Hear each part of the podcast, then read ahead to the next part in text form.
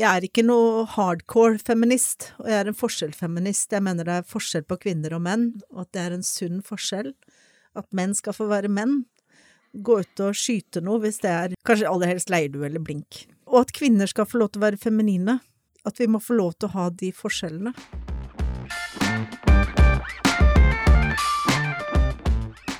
Og det jeg er veldig redd for i disse Tinder-tider og i, på en måte i, i vår tid, er at vi skal bruke og kaste hverandre. Og at det skal bli en sånn bruk-og-kast-mentalitet som til og med går inn i et ekteskap eller samboerskap, at nei, du, du var ikke noe gøy, du var ikke god nok, jeg prøver en ny.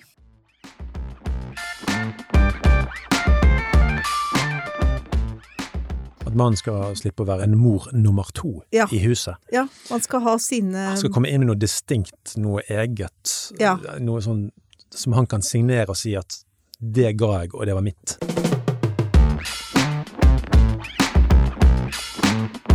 Du hører Mannspodden jakten på mannsidentitet.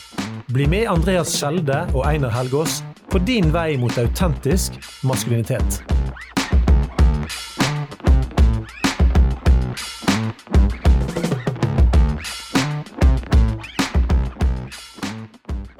Jeg har en dyp skepsis blandet hatkjærlighet til livet generelt, og til menn spesielt med deres smule kjedeevner til tider, deres upålitelighet, sniking, sjåvinisme og løgner. Dette sier dagens gjest Tanja Michelets. Vi har allerede hatt én episode med deg. Du er tilbake igjen i studio. Velkommen tilbake. Takk. Velkommen til Mannsboden, jakten på mannsidentitet. Du hører programleder Andreas Kjelder sammen med mannsguide Einar Helgaas. Veldig bra. Vi hadde en helt nydelig episode sist der vi snakket om farsrolle, oppvekst. Den er selvfølgelig helt unike oppveksten som, som du, Tanja Michelet, har hatt. Og det er veldig spennende for oss å på en måte juice ut ting derifra som òg kan være noe å speile seg i for både menn og kvinner som hører på. Speile seg i på en sånn måte at du kan trekke deg til det eller fra det, og det er opp til hver enkelt. Men det er spennende stoff. Ja, og det stoffet skal vi jobbe med nå. Og vi skal blant annet høre litt om datingbyråer òg etter hvert, så det, det gleder vi oss til. Absolutt.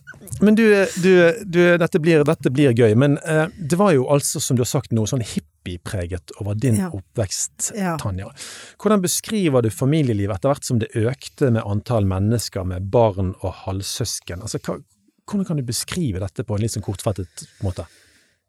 Uh, jo, og så uh, vil jeg gjerne kommentere det sitatet etterpå. Det, vi kommer til det, skjønner du. ja. Eh, det har jeg fått i pepper for, og det kan jeg for seg skjønne. Men jeg skal forklare det etterpå. Ok. Nei, altså jeg um, syns det ble mer og mer uoversiktlig. Og så opplever jeg jo at eh, de jeg vokste opp med, de kom jo fra 50-tallshjem hvor mor og far var gift hele livet. Eh, og da ble det, syns jeg det ble veldig lettvint for dem å bare forlange at vi skulle forholde oss til nye stefamilier og flytting og alt mulig rart. Uh, sånn at eh, jeg ble mer og mer eh, urolig og rotløs. Og så ble jeg veldig kanskje underdanig og veldig opptatt av å komme overens med alle mulige nye stefettere og stemødre og For det, ikke sant, når man bytter familie hele tiden, så er det jo hele den personen sin familie, da, som plutselig liksom halvveis skal bli din familie.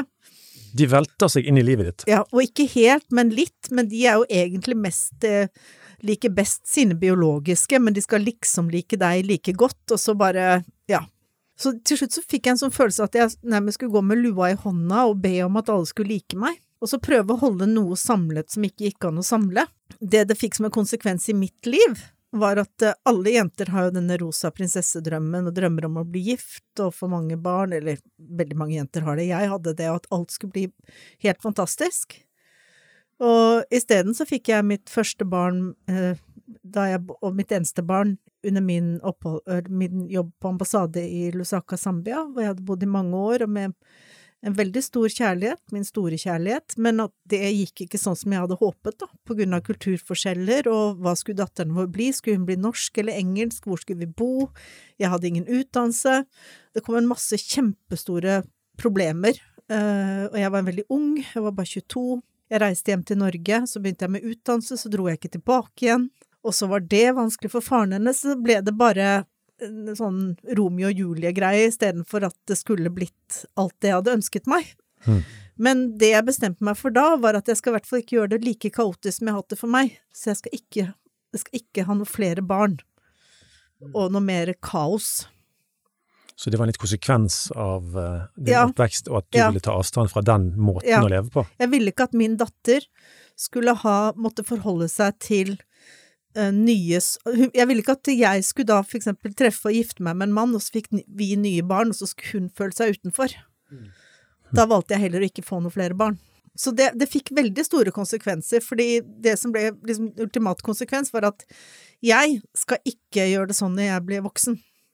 Sånn skal ingen få lov til å oppleve. Og det er det der med lua i hånda var egentlig ja, kjernen i det. Mm. Men du, du står inne for dette nå? Ja.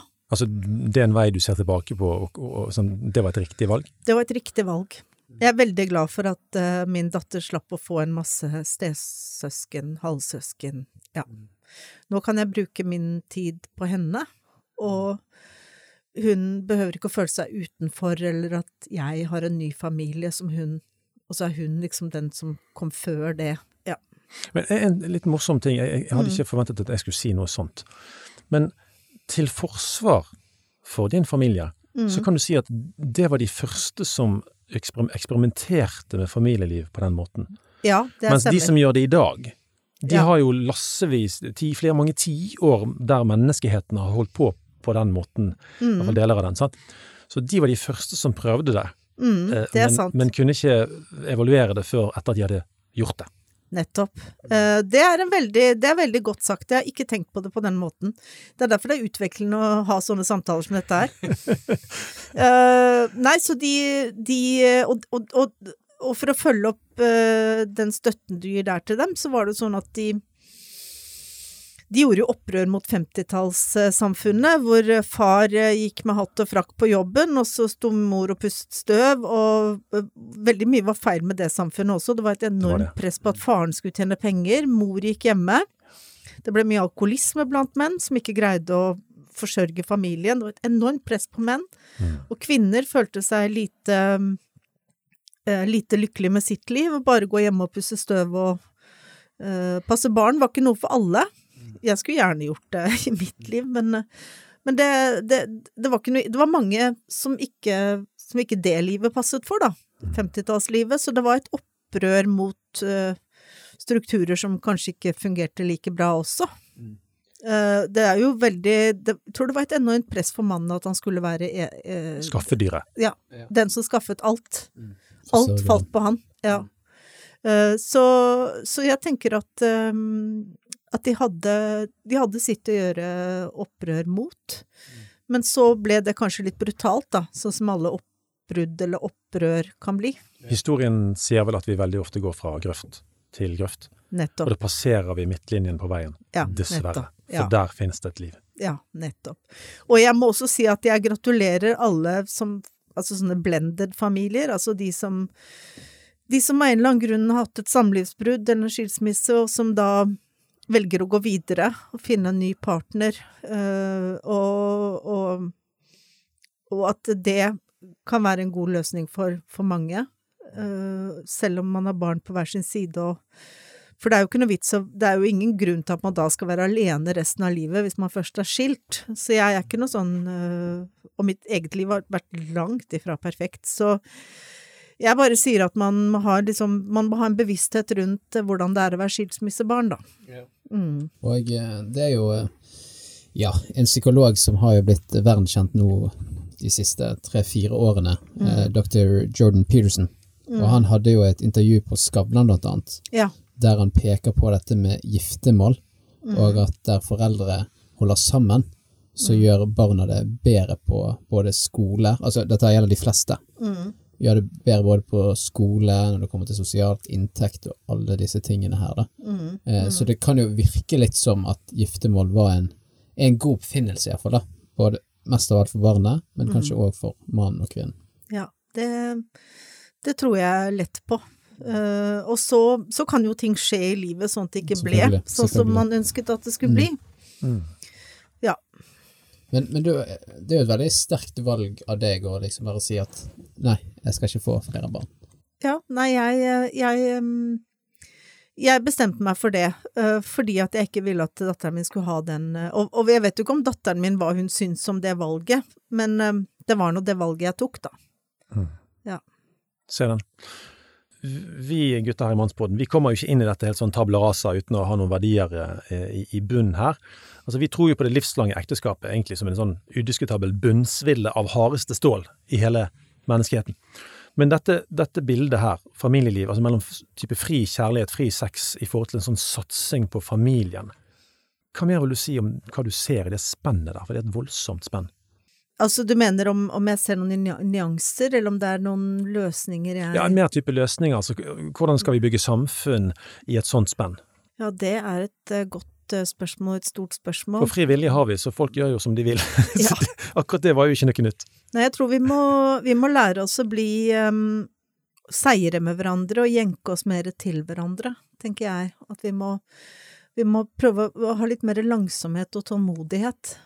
Uh, og det jeg er veldig redd for i disse Tinder-tider og i, på en måte i, i, vår tid, er at vi skal bruke og kaste hverandre. Mm.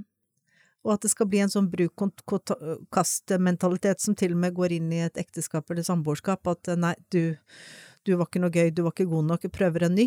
Mm. Uh, Uh, og så på den andre siden så var det jo sånn at jeg, jeg har jo møtt folk som hadde en farmor og en farfar, for eksempel, hvor farfar drakk og slo, og farmor ble fordi det var sånn det var den gangen, så da var hun gift med han. Og det var jo heller ikke noe ideelt, ikke sant, mm, når det var sånne ekstreme situasjoner hvor du, du, bare var gift hele livet og ferdig med det. Mm. Så et eller annet sted midt imellom der, får man jo si, eller ikke sant, at man Man skal jo ikke holde ut med, med hva som helst. Uh, men man må prøve kanskje mer enn man gjør nå, da. Det må man. Og jeg har ikke vært noe flink til det i mitt eget liv, så jeg har overhodet ikke lyst til å være noen moralist. Jeg føler at jeg ble ganske ødelagt av, av hvordan jeg vokste opp. Mm. Og det kan kanskje reflektere litt det, det sitatet mitt eh, som dere begynte med.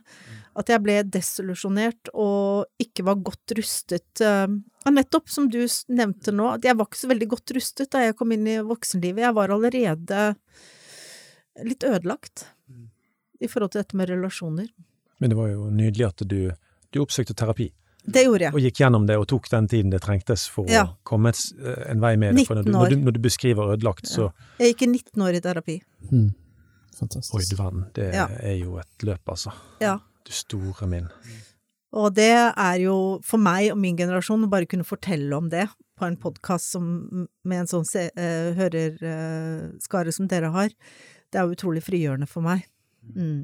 Ja, Også, hva skjer med det når du forteller det? Er det, sånn, er det en sånn tilfredsstillelse? Ja, det, det, er en veldig sånn god følelse av at wow, jeg kan fortelle dette her, og det er ikke skam, og det er ikke krise, og, ja. og det er en del av min tilhelingsprosess også, det å dele. Uh, og jeg Nei, så det, det, det er en, en veldig, veldig bra utvikling. Og det jeg hadde opplevd, ble jo sammenlignet Altså, det ble kalt eh, posttraumatisk stressyndrom, intet mindre enn det. Såpass, ja. ja. Sånn at det tar veldig lang tid å behandle også. Jeg burde ha fått den behandlingen da jeg var Da jeg mistet moren min, og før det. Men jeg fikk det først i voksen alder, sånn ti år etterpå, eller enda lenger etterpå. Og da, da, det, da må, du, må, du, gå mye lenger til behandling, da. Og så ble jeg øh, ja, ikke friskmeldt, men man sa at nå, nå har du liksom kommet ut på andre siden, da. Ja. Og det var veldig fint også, men det er jo nesten et halvt liv, da. Ja. Mm. Kan det òg selvfølgelig være med å forklare at eh, forfatterskapet ditt begynte seint? Ja. Fordi du måtte gjøre den jobben først? Nettopp. Og det er jo ti år mellom forrige bok og denne boken. Mm. Men nå er jeg jo allerede i gang med en bok som skal ut i år, så nå er jeg i gang. Nå du, er, du er på seget her, altså. Ja, nå er det våre vårflom her, ja. Yeah. We like it. Ja. Og eh, litt tilbake igjen til eh, Du nevnte jo Tinder her, da. Ja. Eh, og du har sagt noe om forbrukersamfunnet ja. og Tinder. Sammenhengen ja. der. Kan du forklare den? Ja, altså jeg har aldri vært på Tinder, men jeg hører jo min datters venninner har vært på Tinder, og jeg har hørt om mye rare fenomener, for eksempel disse Tinder-kongene som hun har fortalt meg om, mm. som det er altså noen menn da, som sitter på toppen og troner der og dater eh, eh, herfra til månen, og det blir mange skuffelser. Og, men jeg tror også det finnes mange kyniske kvinner der, og stikkordet er kynisme. Okay. At man bruker og kaster hverandre, men så er det også folk som har møtt hverandre på Tinder.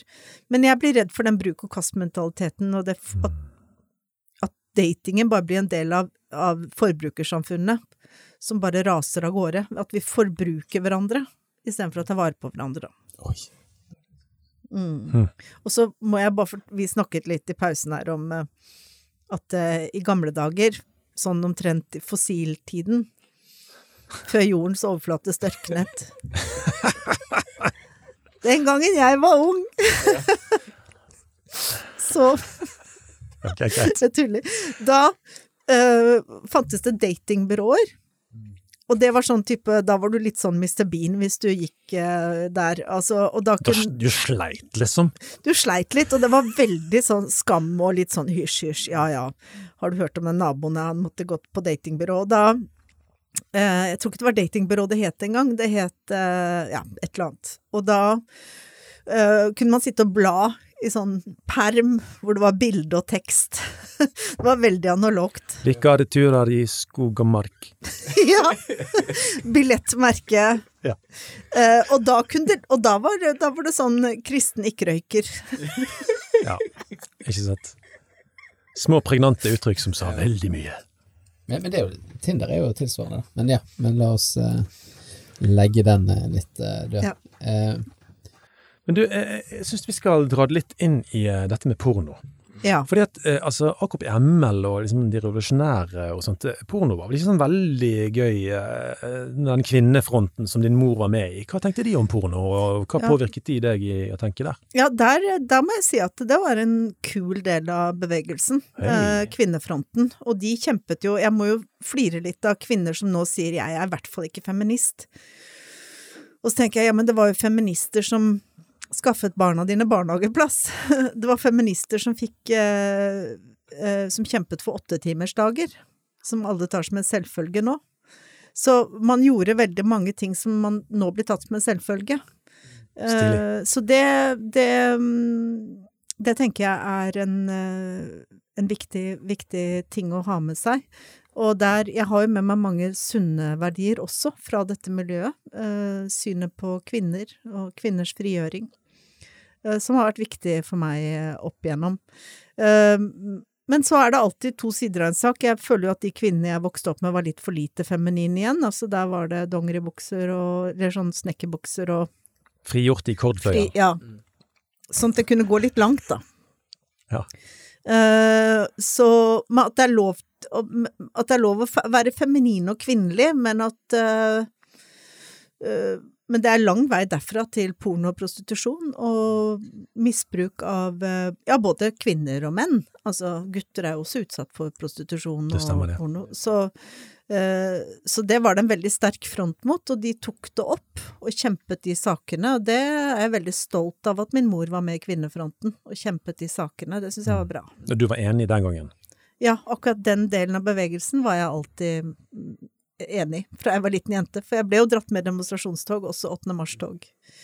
Og eh, også de 8. mars-togene var jo omstridte i sin tid. Eh, Altså kvinnesaks, eller kvinnetogene på kvinnedagen. Mm. men jeg, jeg har hørt rykter om at du har eh, Ja, dine venninner når de gikk, dro på byen med deg, så var ikke de så fan av det. Nei, det var De akket seg over at jeg hadde mine feministiske tendenser, sånn at jeg Hvis noen tilbød meg en drink, så spurte jeg hvorfor det? Hvorfor? Hvorfor skal jeg Hvorfor vil du kjøpe en drink til meg? Uh, ja, betyr det at jeg må sitte og snakke med deg i 10 minutter? 15 minutter? Hva Og du store meg. Det får du ikke mange poeng på byen for, eh. Tanja. Null, null, null. Hun der vrange? Nei, hun vil jeg ikke snakke med. ja, dette er jo helt sensasjonelt. Og så Altså, er jeg litt stolt av det også. Nå kommer filmen? Det må jo komme en film om, eh, om, om, om eh, feministbevegelsene du var med i. Ja, det burde det gjøre. Vi, Det var mye, mye moro, og jeg slår et slag for kvinnegruppa Ottar også, ja. Altså den utskjelte Ja. Jeg vet ikke helt hva de holdt på med i dag, men eh, sånn som det var på 90-tallet, ok, de var litt rå de også, men de var ikke det som de, Altså, de var mange ting. Det var mange unge jenter som ville forandre verden, og man risikerte ganske mye. Man kunne Den første demonstrasjonen utenfor en toppløs bar, så kom politiet inn med hester rett inn i mengden. Mm. Uh, og, så det har, vært, eh, det har vært heftige kamper. Og jeg tenker at de har gjort mye for å prøve å, å bevare både kvinner og menn sin, eh, Verdighet. ja, sin verdighet og sjel. porno porno handler jo også om eh, utnyttelse av menn. Ja. Porno er større enn bare mot utnyttelse av kvinner. Mm. Ja. Godt perspektiv, men når du tenker uh, i dag altså Ja. Porno har blitt uh, selvfølgelig legalisert, på si, og Mm. akseptert på en, en uh, voldsomt brei måte. Samtidig ser Mm. jeg noen initiativ som går imot. Ja. Hva, du har jo sagt at du faktisk er opptatt av dette i dag. I Ja. 2022, hva, hva tenker du om porno i dag? Nei, jeg, er, jeg er motstander, og jeg er åpen på det. Jeg, eh, og jeg tenker at det ødelegger unge mennesker. Altså sånn apropos den, eh, eller jamfør den podden dere hadde med Alexis Lund, jeg er jo stor Mm. fan av han, og jeg Mm. tenker at eh, det vil potensielt ødelegge muligheten for unge mennesker til å kunne gå inn i sunne relasjoner. Da. Ja. At de blir ødelagt av porno, rett og slett. Fordi det er så voldsomt, sånn at man kanskje ikke får utfylt de behovene man tror man har da, i en vanlig Nei. relasjon, fordi porno er referansen. Ja. Eh, Det var et eh, godt poeng han hadde, syns jeg. Og, og jeg er jo da sånn som eh, eh, Som eh, ne, Altså, hvor mange ofre for trafficking er det ikke der? Eh, hvor mange hvor, hvor mye frivillighet snakker vi om? Uh, egentlig. Uh, hva slags menneskesyn promoterer de? Det er Ja. i hvert fall bruk og kast. Det er jo bruk og kast på speed. Ja. Så, så det, det er imot alt jeg står for. Og da får jeg heller bli kalt prippen og snerpete, men det, det lever jeg godt med, da. Det syns du du skal. Ja. Det er bare avslutningsvis som porno, siden dette ikke skal være en sånn stor sak her i dag, Mm. men vi syns det var spennende å ta det opp med, med tanke på bakgrunnen din òg. Mm, mm. Noe av det verste for meg når jeg tenker på, på, på menns konsum av porno, er jo det at den mannen som da har et jevnt og kanskje høyt konsum av porno, Mm. eh, og dette eskalerer jo vanligvis, du vil ha mer og du vil ha råere, Mm. ikke sant? Ja, ja. Og hva det gjør med deg. Og så går du da inn i en sosial setting, Mm. så ser du da kvinner. Ja. Og så har du med deg et sånt indre du, Altså, menn har jo fra før et eh, hva skal jeg kalle det, et biologisk trykk, et naturlig trykk i seksualiteten. Ja. Så får du da en voldsom ekstrastimulering av porno. Mm. Så skal du gå inn der og prøve å se på de kvinnene med et blikk som, som tåler situasjonen, Ja. og med at, med at du har et, et indre som gjør at du kan være til stede og faktisk snakke normalt med de menneskene og bygge normale relasjoner til de. ja. Og så, sant, så istedenfor at du får en normal progresjon uten en sånn voldsom ekstrastimulering, så går Mm. du inn og har gjort deg sjøl til en, en, en sånn boblende person i en sosial setting som er vanskelig med å kontrollere ja alt dette. absolutt. Det syns jeg, det, det synes jeg er krevende å tenke på. At, at, at det er en situasjon som en del, en del eh, menn går rundt og er i. Og jeg tror også det fører med seg skam, til og med i disse tider. At man skammer seg, at man kanskje føler seg litt skitten, at man føler at man har gjort noe galt. Det Ikke sant? Jeg, ja.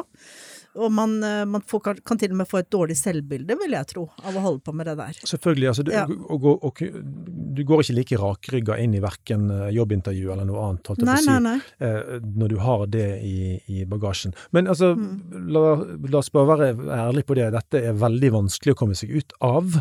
Mm. Det er liksom en klo du går inn i. Ja. Men, men, men det er jo derfor, når du nevner heltfri.nett, som selvfølgelig er det som Alexis Lund står bak Mm. Altså, det finnes noen mennesker, de er veldig få, men han er en av de. Og, Ja. og Tro og Medier sitt arbeid her er noe av det som hjelper folk. Så jeg anbefaler de som kjenner på det når vi snakker om nå, Ja. gå inn på heltfri.nett og sjekk ut. Der er det mye både verktøy og, og, og, og stoff som, eh, som kan hjelpe. Det er aldri for sent å snu, og ja, kjenn, kjenn på ditt indre, og hvis man ser på det, så ser man jo at det er, at det er ikke sånn det skal være. Man Nei. ser jo at det ikke er sant. Nei. Uh, ja.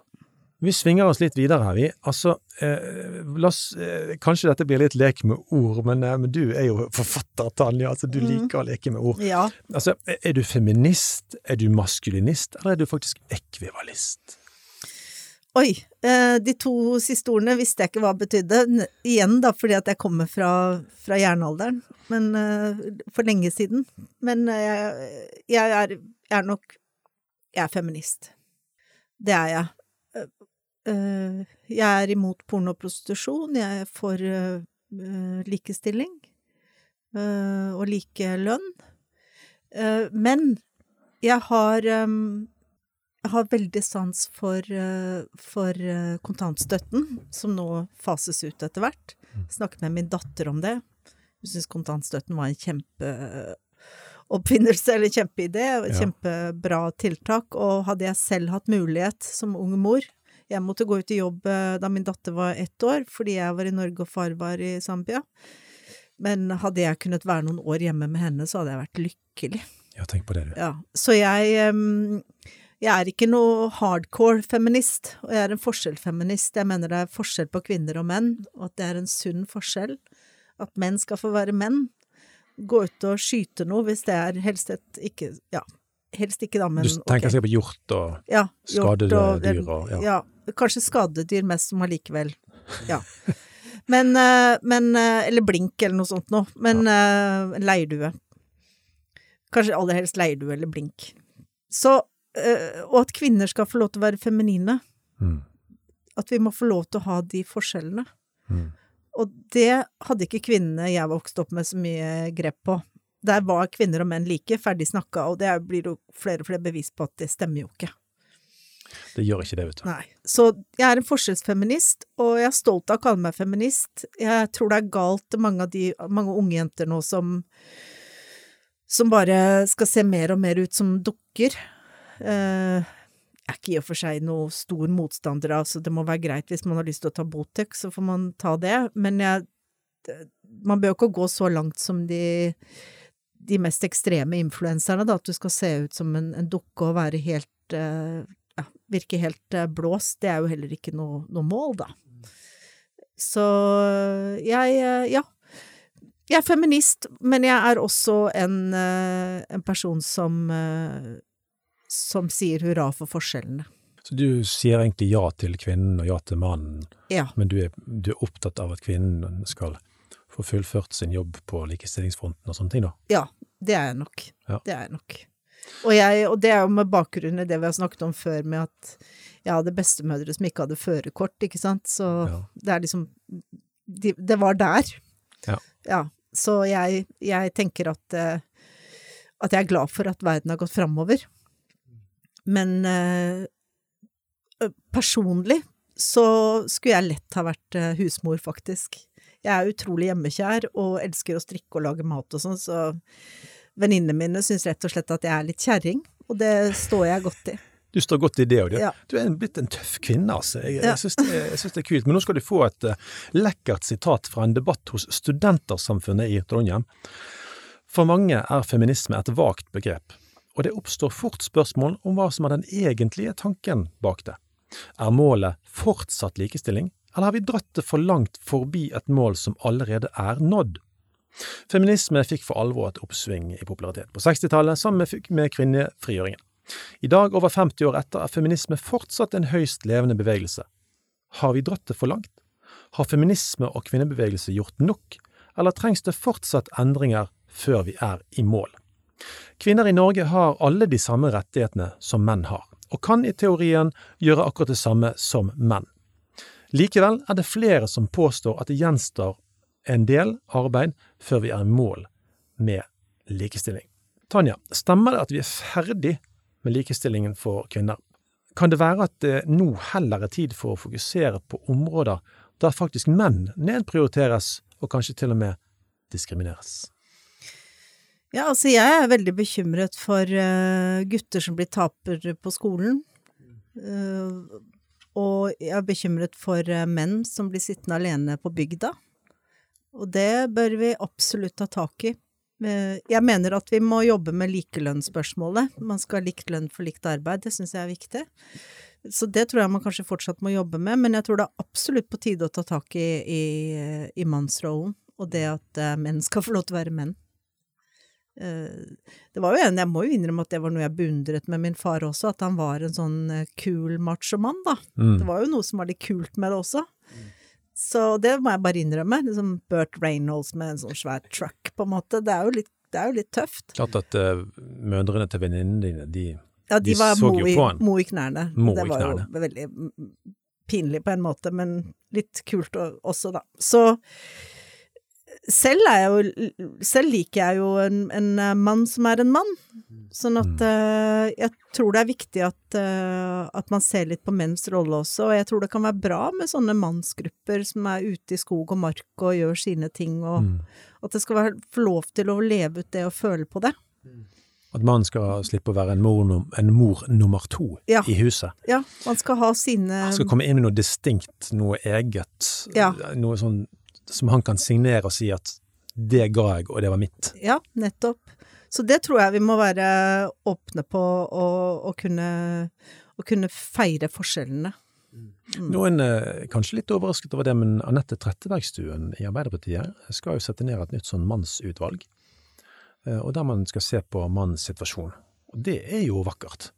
Ja, hun har jo lenge vært en del av kvinnegruppen i Arbeiderpartiet, og det overrasker meg med henne, men hun er jo en, en grepa dame. Så det syns jeg absolutt er et godt, uh, godt Og det, jeg tror vel kanskje Norge er et av de landene som ikke Norge er et av de landene som har kommet dit at man, man bør jobbe med det. Men sånn som når min datter og jeg er i Afrika, så er vi jo spole 50 år tilbake i tid, og med ganske eh, tilspissede kjønnsroller og, og et kvinnesyn som er under pari. Så Ja. Men problemet i Norge blir jo når man eh, går i tog for noe vi allerede har oppnådd. ja. For likelønn har vi i Norge. Sant? Ja. ja b- det- Bortsett fra den tingen som vi, vi hadde en, en prat med Tonje Fien, eh, som eh, kaller seg selv feminist òg, mm. i en episode.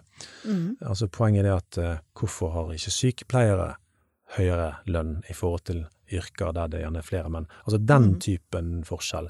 Der eh, går det fortsatt an å se på ting. Men hvis, hvis en kvinne og en mann har lik stilling i samme firma med samme ansiennitet, så har de samme lønn. Ja, men det er da enda godt å vite. Og når det gjelder Ja, men jeg mente nok mer det du først eh, sa, altså dette med omsorgsyrker og Men læreryrket begynner jo å jevnes ut med flere og flere menn som blir lærere. Og der blir det jo Jeg vil jo tenke at det heller er snakk om litt overordnede ting. At man må øke lønningen i helsesektorene uansett, ferdig snakka. Det bør bli bedre betalt, og også læreryrket. Eh, nå, har, nå har det jo vært sånn at sykepleierne og lærerne har eh, kjempet lange kamper og fått opp lønningene veldig mye i forhold til hvordan det var før. Ja. Eh, jeg har jo levd et helt liv hvor Sykepleierforbundet har kjørt på, og det har blitt bedre. Så det er bare å fortsette å stå på, og jeg tror eh, jeg, jeg kan ikke gå inn på nå hvorfor det er flest eh, kvinner som går inn i helsesektoren. Det kan ha noe med vår, eh, vår om, omsorgsfokus, og det behøver ikke være noe negativt heller, tenker jeg. Det er positivt, det. vet du. Er det lov å tenke det? Ja. ja. Du er nok et sted der det går veldig fint at du sier det, for jeg tror jo at det er ikke et poeng at det er 50% kvinner og 50% menn blant sykepleiere. For hvis du putter inn 25% menn som ikke har lyst til å være der, hvorfor skal de puttes inn der for å fylle opp 50 med menn? Når mange kvinner virkelig ønsker å være der, for de, de, de har virkelig ikke lyst til å holde på med ting. De har lyst til å holde på med mennesker.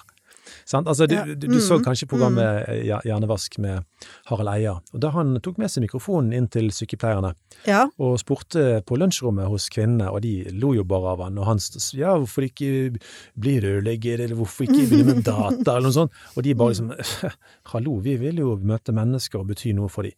ja, nettopp. Eh, Og, og det, det tenker jeg at eh, kan ikke de, de mange kvinnene som vil det, gjøre det? Og hvis de vil ha et annet yrke, så, så tror jeg vi må bare si det som det er, at i Norge så kan en kvinne velge et annet yrke hvis Ja. hun vil det. Jeg fikk lagt nytt gulv i huset mitt, og da kom det en ung kvinnelig håndverker som var i læra, og hun syntes jeg var kjempekul, og jeg merka at jeg var stolt av henne. Men eh, det er lang vei fra det til at jeg hørte de 70-tallskvinnene jeg vokste opp med som gikk rundt og, og fabulerte om at man skulle bli stålverksarbeider og søppeltømmer. Jeg hadde slett ikke lyst til å bli stålverksarbeider. Ikke sant? Så, så ja. Nei, det behøver ikke å være Jeg tror vi har kommet dit i Norge nå at dette eh, kanskje er litt sånn kamp mot vindmøller også, at vi, at vi har kommet veldig langt, da. Så det, det tror jeg faktisk på. Og det tror jeg kanskje jeg gjør meg litt upopulær på å si det, men eh, ja, jeg håper jeg har uttalt meg nyansert. Ja, men uh, jeg tror ikke vi skal gå inn i vindmølledebatten, for den er opptent, for å si det sånn.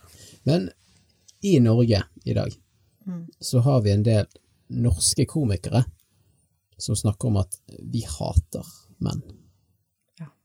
Hva, hva skal man tenke rundt det i et likestilt samfunn og Nei, det er ikke greit. Og jeg har jo eh, noen ganger i mitt liv kjent på eh, de følelsene, og det tror jeg har med mitt liv å gjøre.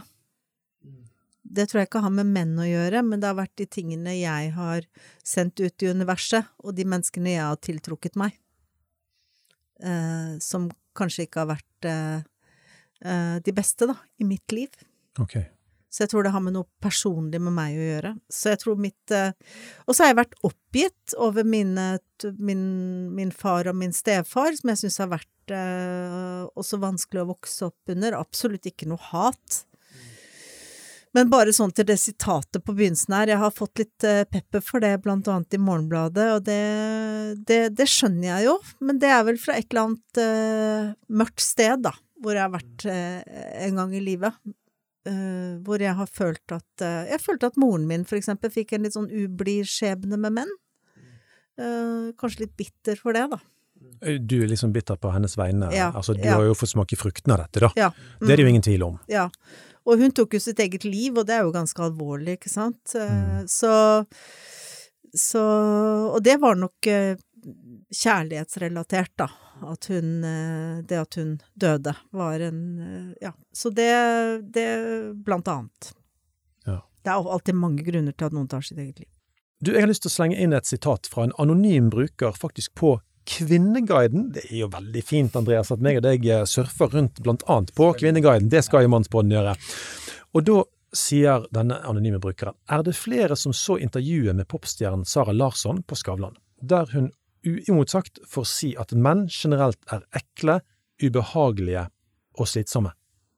Hadde man sluppet like lett dersom en mann for eksempel hadde sagt at feministkulturen, eller den muslimske kulturen, og kvinner, muslimer generelt er ekle, ubehagelige og slitsomme, og avsluttet med et breit glis og til vill jubel fra publikum.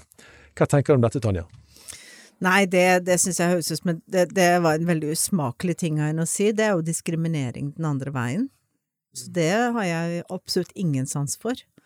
Og jeg syns jo at eh, menn er eh, er eh, på en måte det er, det er en stor del av livet, og jeg har møtt mange, mange bra menn i mitt liv. Eh, når jeg har vært bitter, så har det vært på ting som ikke har vært så bra. Eh, som, hvor jeg også har tiltrukket meg mennesker som, som sagt som ikke har vært bra på grunn av min eh, brokete fortid. Men generelt så syns jo jeg menn er herlige, faktisk. Så Er det sånn at det kommer seg? Er det sånn at du syns at vi liksom blir bedre og bedre? Ja, og jeg syns jo den generasjonen som Den generasjonen menn som du, du er, og ikke minst din generasjon, eh, det blir jo bare bedre og bedre, ikke sant? Eh, jeg syns det er en veldig bra generasjon på sånn 30 cirka, som eh, kommer fram nå. Mm. Og, og din menn av vår generasjon, altså dere er jo til stede og tar oppvasken og er sammen med barna og. Så det har skjedd veldig mye allerede. Men jeg har også bodd eh, Man må se mine utsagn også i den sammenhengen at jeg faktisk har bodd i utlandet veldig mange år, og i et samfunn som har vært mye mer mannssjåvinistisk enn her, hvor jeg har mye av min referanse, da. Så det betyr at når du, har, når du snakker om din erfaringsbakgrunn med menn, Mm, mm. så er det mye AKP-ML, og det er mye Afrika. Ja, eh, eh, og, og det sånn, stemmer. Sånn du går inn i det med en ganske rå blanding i den bagasjen. Ja, ganske rå blanding, ja. Mye Afrika, veldig, veldig, veldig eh, labert kvinnesyn, og mye AKP-ML hvor det var mye br brødlaper. Ja.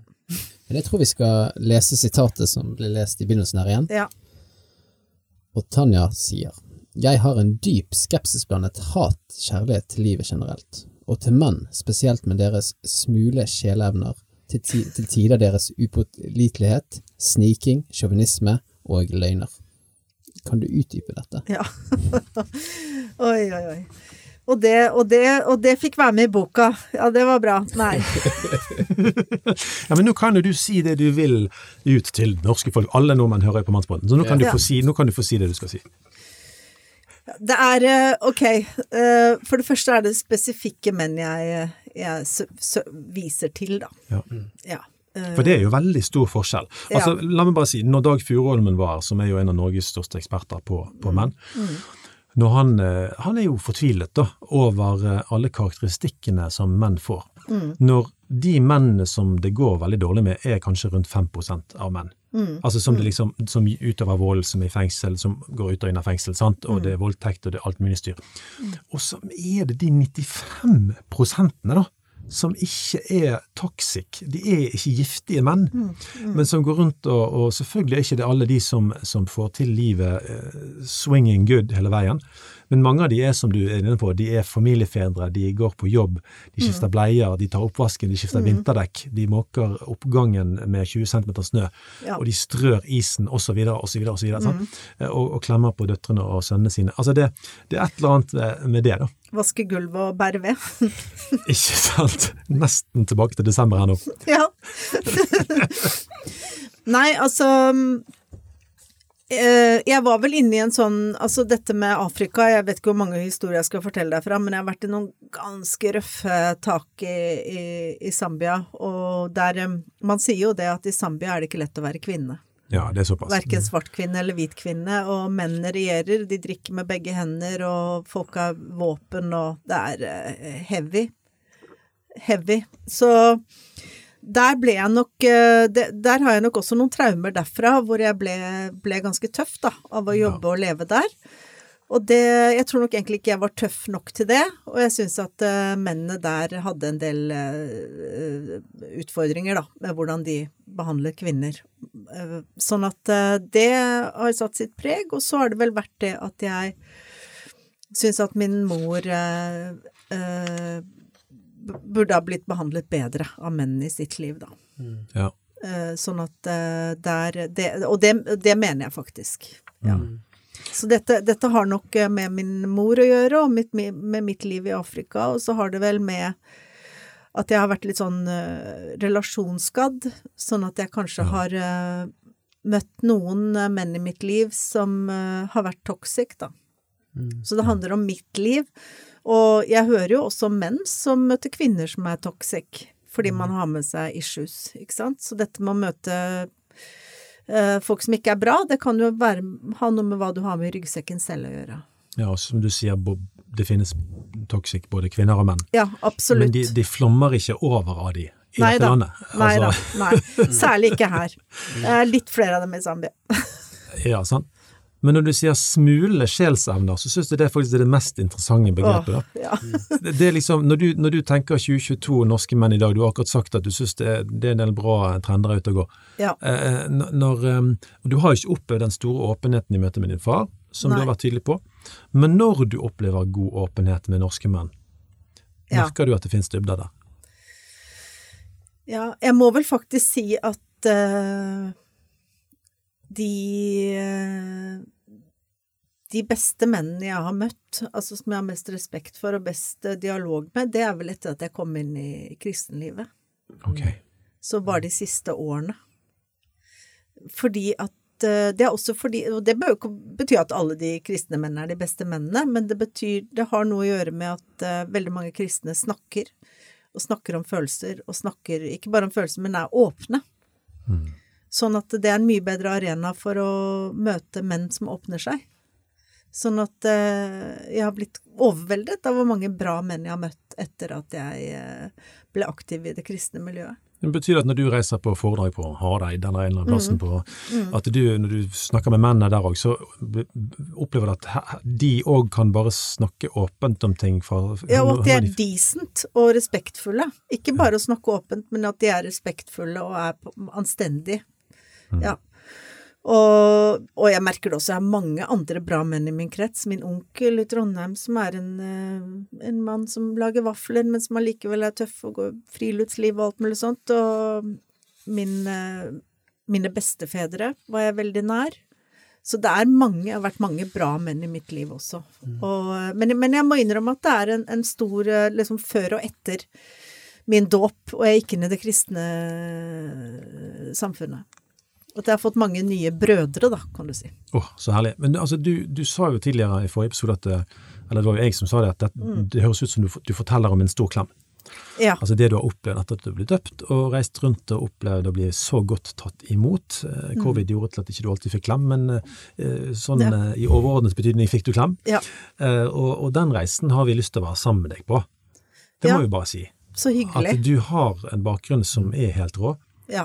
Så at du sparker litt uh, fra med litt formuleringer og sånt, uh, det, det, tåler, det, tåler, vi. Ja. Fordi at, og om noen mener at ja, ja, nå driver og behandler sine sår offentlig her, så, ja. så, tenker jeg at du òg Kanskje du får en pris for det en dag. Bondevik fikk pris for sånt i sin tid. Kanskje du får en pris. Fordi ja. du faktisk tør å snakke åpent om ting. Og noen blamer deg kanskje for at du er for ærlig om noen ting, men jeg, jeg må si jeg syns dette er utrolig fint å kunne snakke med deg om. Mm. Ja, og kanskje jeg også er i en sånn eh, nybrottsmark, at jeg også pløyer mark. Mm. Eh, jeg har også tenkt på det, og min, eh, min, min lillesøster sier at en del av det du står i, det slipper vi. Ikke mm. sant? Altså at jeg også kjemper noen kamper, da. Mm. Og at det kanskje blir litt rått og brutalt. Ikke sant? Jeg er en representant for min generasjon som vokste opp med skam og fortielse, sånn at jeg også kanskje tar litt av på den andre siden. Uh, sånn at uh, Men for meg så er uh, ærligheten er liksom blitt mitt varemerke, da. Og det, og, det er, og det, er, rett og slett bare sånn jeg er. Mm. Og så har jeg havnet i, i den offentligheten. Når det gjelder å motta priser, så tror jeg ikke at jeg Jeg har på en måte funnet ut at um, at jeg er veldig uh, utrolig takknemlig for den reisen jeg har fått være med på til nå. Og uh, jeg jobber mye med det å være takknemlig og ikke ærgjerrig. Sånn at det er ikke noe mål for meg, da. Du, vi har siste tema, mm. Tanja. Uh, I disse to episodene vi er så heldige å få ha sammen med deg. Jeg syns dette her er gulltid. Ja, det er fint. Og det er rett og slett Du gikk fra Mao til Gud. Din ja. historie er jo selvfølgelig den er helt kliss unik, så jeg er ikke så veldig overrasket. Det var jo ikke før du sa det jeg hørte at din bok hadde blitt en bestselger. Dette er aktuelt for alle, så det er jo kjempegull at vi får snakke om det. Men du har altså sagt at i AKP-ML-miljøet, dette marxistiske miljøet, så ble kristne sett på som gammeldagse, egoistiske og kørka. Du er sikker på at dette ikke er sant? Om jeg er sikker på at det er sant? Ikke sant? Ikke sant? Er du sikker på at det ikke er sant? jeg elsker når bergensere snakker østlending. Det håper jeg. Det er så gøy. Um, jeg er helt sikker på at kristne ikke er kørka. Mm. Altså, det fins jo kørka mennesker i all walks of life. Selvfølgelig. Men, så det fins jo sikkert noen kristne som er kørka, men det er ikke det vi snakker om da. mm. Selv kan jeg være ganske kørka. Du er mer fornøyd enn misfornøyd når du har gått inn i Plutselig du, møter du kristne både i ja. hytt og pine. Så, så er det, og, men, men, ikke sant, jeg vokste opp i en bevegelse hvor det å egentlig være åndelig, opptatt av det åndelige, det innoverskuende, eh, det søkende, ble ikke sett på som noe særlig stas. Du skulle ta stilling, du skulle være ute i verden, du skulle ut og redde verden. Ja. Så da ble det sett på som egoistisk at du Den delen av hippiebevegelsen ville ikke AKP Hemmel ha noe med å gjøre, den søkende åndelige New Age-biten. Ja, New Age, og heller ikke den kristne biten. Og altså det blir egoisme fordi du da misbrukte tiden din, du skulle ja. heller gå ut og mm, fight og, og for the poor. Og du bare brydde deg om deg selv, ikke sant? Ah, ja. Ja. Ja, så det er det jeg mener med egoisme. Der. Ja, for at mm. uh, istedenfor å se på det åndelige som en ressurs som nettopp får deg til å, gå ut. Nei, nettopp. Og, jeg mener, De første sykehusene i denne verden ble jo lagd av kristne, ja. ikke av Romerriket, for å si det sånn. Ja, det er jammen sant. Mm. Så, men, men det, den så ikke de, da. Mm. Den så Nei. ikke de. Så, så da var du sjølopptatt, for å si det med deres øh, sjargong, da. Mm. Uh, at, uh, og innoverskuende, og at du da ikke var opptatt av å være solidarisk og gå ut og redde folk, da. Mm. mm. Interessant. Mm. Eh, og jeg, jeg, har lest litt at du hadde en stebestemor det hadde jeg. som betydde mye for deg. Ja.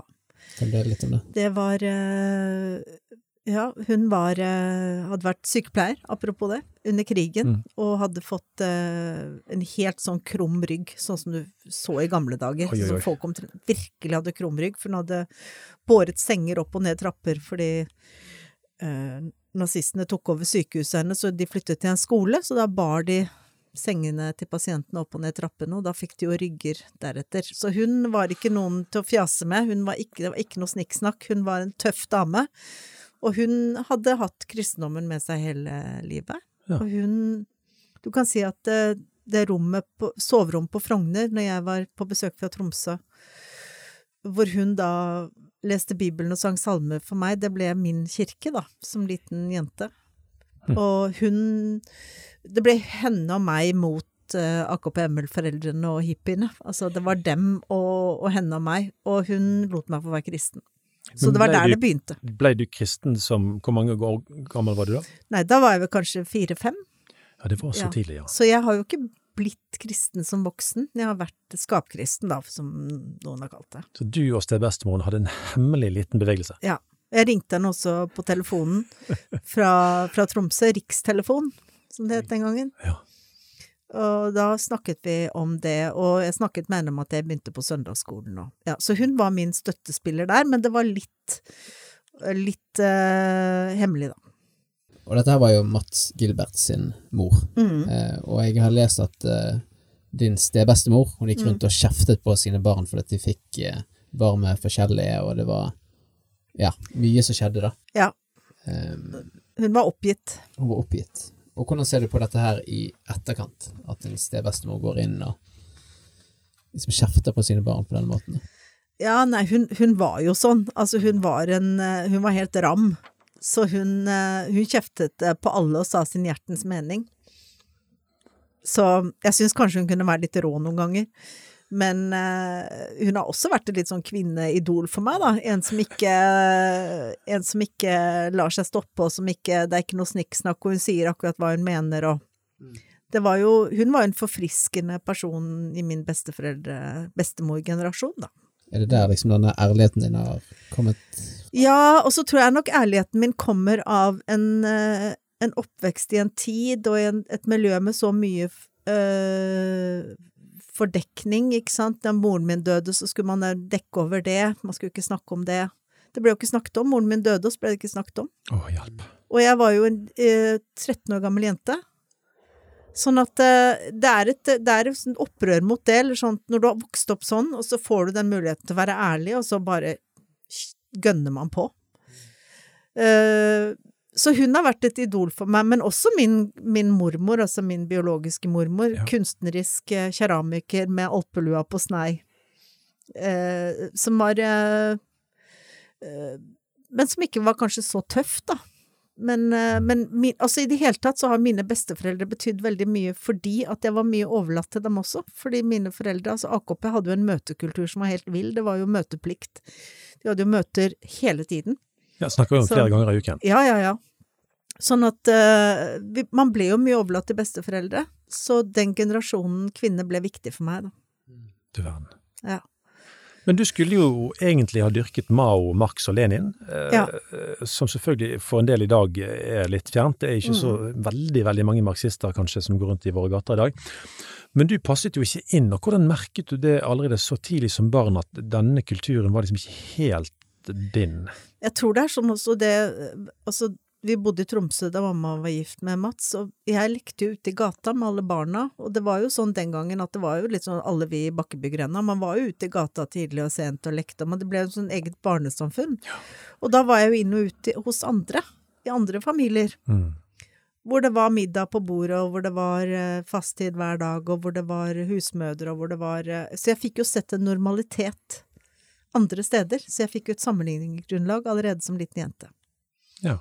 Og da, når mine foreldre kom slitne og utslitte og, og eh, så vidt greide å steke en boks med torskerogn og uh, var lei seg av arbeidernes kår og eh, så, så skjønte jo jeg at det, dette var noe annet.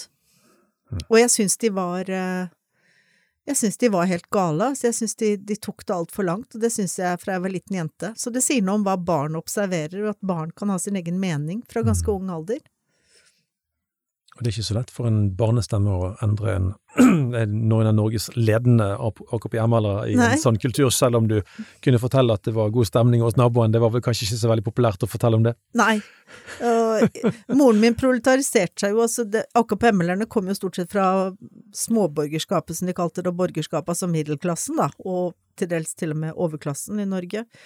Og da hadde de den løsningen at de kunne bli arbeidere. Så min mor var jo journalist, men begynte å jobbe på rekefabrikken.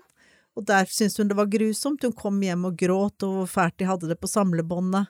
Det var en litt sånn mørk og dyster verden. Mm. Min, eh, min legestefar, som var eh, jo lege, han eh, ble jernbinder og brannmann. Min far ble bryggesjauer. Eh, Så de, det var jo ekstreme forhold. Jeg skjønte jo allerede som liten jente at det er rart at mamma begynner på rekefabrikken, Mm. når hun egentlig er journalist. Ja. Så, og det var særlig kanskje mammas reaksjon, og det at hun gikk sånn i kjelleren over arbeidernes kår og, og folk i Palestina og ikke sant, alt dette her. Hun eh, bare tok alt innover seg, da. Mm. Og jeg skjønte jo allerede som liten jente at dette her er ikke riktig. Dette går for langt. Men det var ingen som skjerma deg heller for dette. Det virker som det var ingen filter. Alt, alt det som de brant for, og, og alle følelsene de kjente i forhold til de lidenskapene de jobbet rundt, sant, Ja. i forhold til de fattige skår og så videre. Alt det virker som det gikk bare rett fra magen og ut til deg. Ja, men det var nok en bevisst ting, for det var jo sekterisk. Eh, Det kan jeg si åpent nå, og da var det jo barna skulle også med og lære. Så jeg ble jo sendt til Røde pionermøte med rødt skjerf i halsen. Så har du røde pion... Røde pioner, ja. Oi. Eh, Det var jo da Lenin som begynte med det i sin tid, så tok Mao det over, og det er jo en sånn ung, ungebrigaden, da, for Mm. AKP-ML, hvor vi lagde dem, øh, paroler til demonstrasjonstog, barnedemonstrasjonstog. Så jeg gikk jo ut til barnedemonstrasjonstog, også med paroler. Så jeg ble jo nærmest tvunget til å vitne om noe som jeg ikke hadde eierskap til selv, da. Så um, Og jeg syntes det var kjempekjedelig på de møtene, men jeg ble altså sendt dit. Og gikk i demonstrasjoner sammen med, sammen med de voksne i dette 70-tallsklimaet, hvor også politiet var, kunne være mye mer eh, rå enn de er nå, og det var, de, kastet, de sendte sjefer inn, for det var kanskje ulovlige demonstrasjoner. Alle disse herre heftige opplevelsene som barn, da. Ja, så jeg var med på alt dette her. Eh, så, og det var jo også en del av det som gjorde at jeg eh, skjønte at dette er For det var jo ingen andre barn i gata som holdt på med det der. Nei, det, det er heftig. Det er Ja. heftig, Tanja, det må jeg si. Ja. Og eh, en annen ting som er heftig, da, det er at du døpte jo deg i Moss kirke i Ja. 2019. Det gjorde jeg. Så hva er det du får av din kristne tro som du aldri fant hos Mao? Altså mm, Jeg får eh, fred. Mm. Jeg har rett og slett fått eh, eh, Begynt å få fred i sjela, og det har jo med hele min prosess å gjøre, også terapien og alt. Mm, mm. Men, men eh, jeg tror vel terapien var med på å gjøre meg styrket, at jeg skulle gå min egen vei og holde hodet høyt hevet. Og da, da min far døde og på en måte den siste sånn autoritetspersonen var borte, da var jeg foreldreløs. Og da, nå kan jeg gjøre hva jeg vil. Og da tenkte jeg at nå, nå kan jeg døpe meg. Og det høres jo veldig sånn klisjéaktig ut, men det, det var på en måte øh, Det var liksom rosinen i pølsa, eller det var liksom den siste tingen som gjorde at jeg ble fri, da. Så jeg ble frigjort gjennom dåpen, føler jeg selv, da. Men når du ser på din hverdag, altså hva, hvordan preger eh, dette din hverdag og ditt, liksom det, din vandring i, gjennom hverdagen at du har tatt denne bestemmelsen? Det er jo en gammel bestemmelse fra du var liten, men nå, har Ja. du, nå er det offentlig, og, og, og, og det er liksom Dette Ja. er jo et liv du lever nå. Nei, jeg føler Fritt. vel at eh, Jeg har jo av og til sagt til venninner jeg er kristen, jeg, og derfor så føler jeg sånn og sånn, eller derfor er jeg sånn og sånn. Og at jeg måtte ha nesten brukt det som en unnskyldning. Eh, men at nå kan jeg være åpen, at jeg er kristen, og derfor så har jeg de og de verdiene. Eh, så det eh, utgjør en forskjell, og så er det at jeg rett og slett kan omfavne teologien og få lov til å fordype meg i det, og, være den jeg egentlig er. Jeg prøvde jo, og jeg tok jo kristen grunnfag på TF, men da følte jeg meg helt utafor og hadde så lyst til å være en del av det. Men det slo meg ikke engang at jeg kunne la meg døpe, for det var noe som hørte til de kristne. Det, altså det, det slo meg aldri en eneste gang. Hm. Så når jeg endelig ble døpt, så følte jeg at jeg kom inn i et samfunn som tok vare på meg, og nå føler jeg at jeg kan holde på med dette her eh, helt øh, og, og være og ha denne reisen, da. For jeg har ennå mye å lære. Og så er jeg jo aktiv i Det var et bevisst valg. Eh, at jeg er aktiv i kristenlivet, både som nestleder i menighetsrådet i Moss, uh, som fast medlem i Borg bispedømme, og i Dialogforum Østfold, hvor jeg sitter med flere imamer. Ja. Uh, så jeg har mange Jeg har hele spekteret. Og jeg ble, jeg ble spurt og valgt inn i disse organene. Så det er ikke Men da tenker jeg det er en mening med det òg. Det er en mening at jeg skal være aktiv i kristenlivet, da, og lære mye fort. Og så er du opptatt av forsoning, og at du vil, du vil være en brobygger mellom mennesker i dette. Ja. Og der, der er jeg opptatt av at jeg ikke skal øh, At det ikke er min oppgave å fronte alle mulige kampsaker i kirka som er nå, men øh, å prøve å mane til dialog Eh, jeg føler selv at jeg vokste opp med de som var politisk korrekte, og eh, kanskje de største bøllene, da, og hvis du ikke var enig med dem, så var du reaksjonær og gammeldags og konservativ og alt mulig sånt. Og jeg har ikke lyst til å være den som står og dømmer andre som mener noe annet enn meg.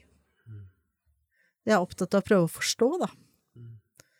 Uh, så, så, så, det har jeg lært av den bakgrunnen jeg har, at jeg ikke har lyst til å stå og peke på folk og si at du er sånn og sånn. Så fint. Du, eh, helt siste vers nå av, eh, av denne episoden.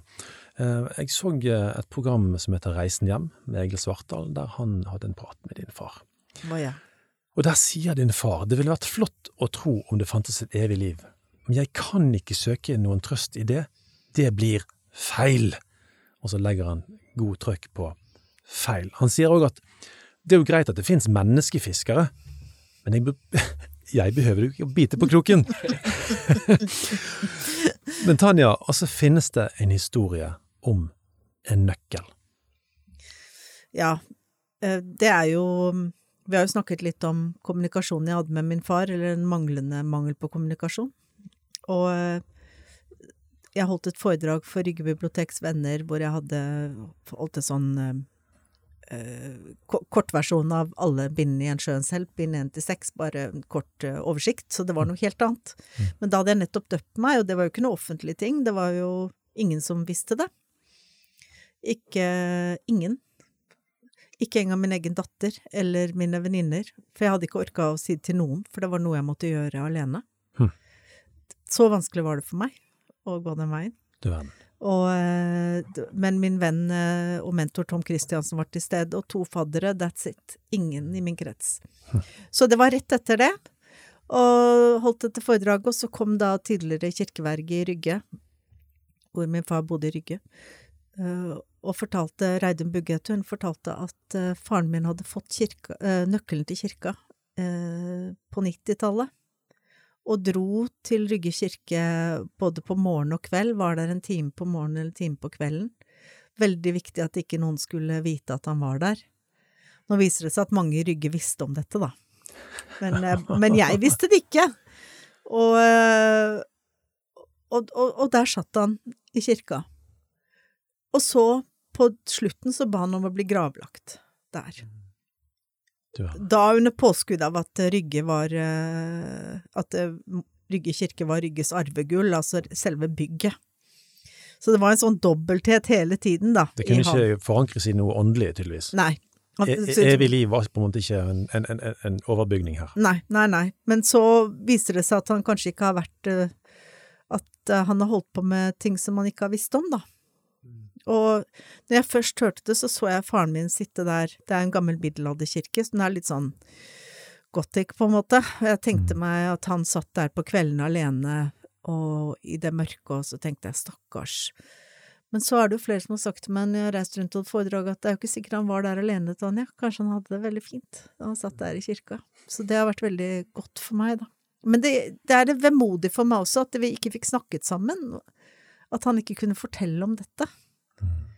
Så, så det, det, det har vært en sånn eh, Ja, ting jeg får vite om, om han etter at han er død, da. Og Ja. dette er jo da virkelig en viktig påminnelse om at vi må snakke sammen mens vi har hverandre. Men jeg, tror du dette var hans hemmelige åndelige liv? Eh, Det kan ha vært det. Det er i hvert fall et stort mysterium for meg. Eh, hvorfor i alle dager Og han leverte aldri nøkkelen tilbake, så han døde med nøkkelen til Rygge kirke. Så han hadde den altså i 20 år. Så dette har holdt på han på med i 20 år.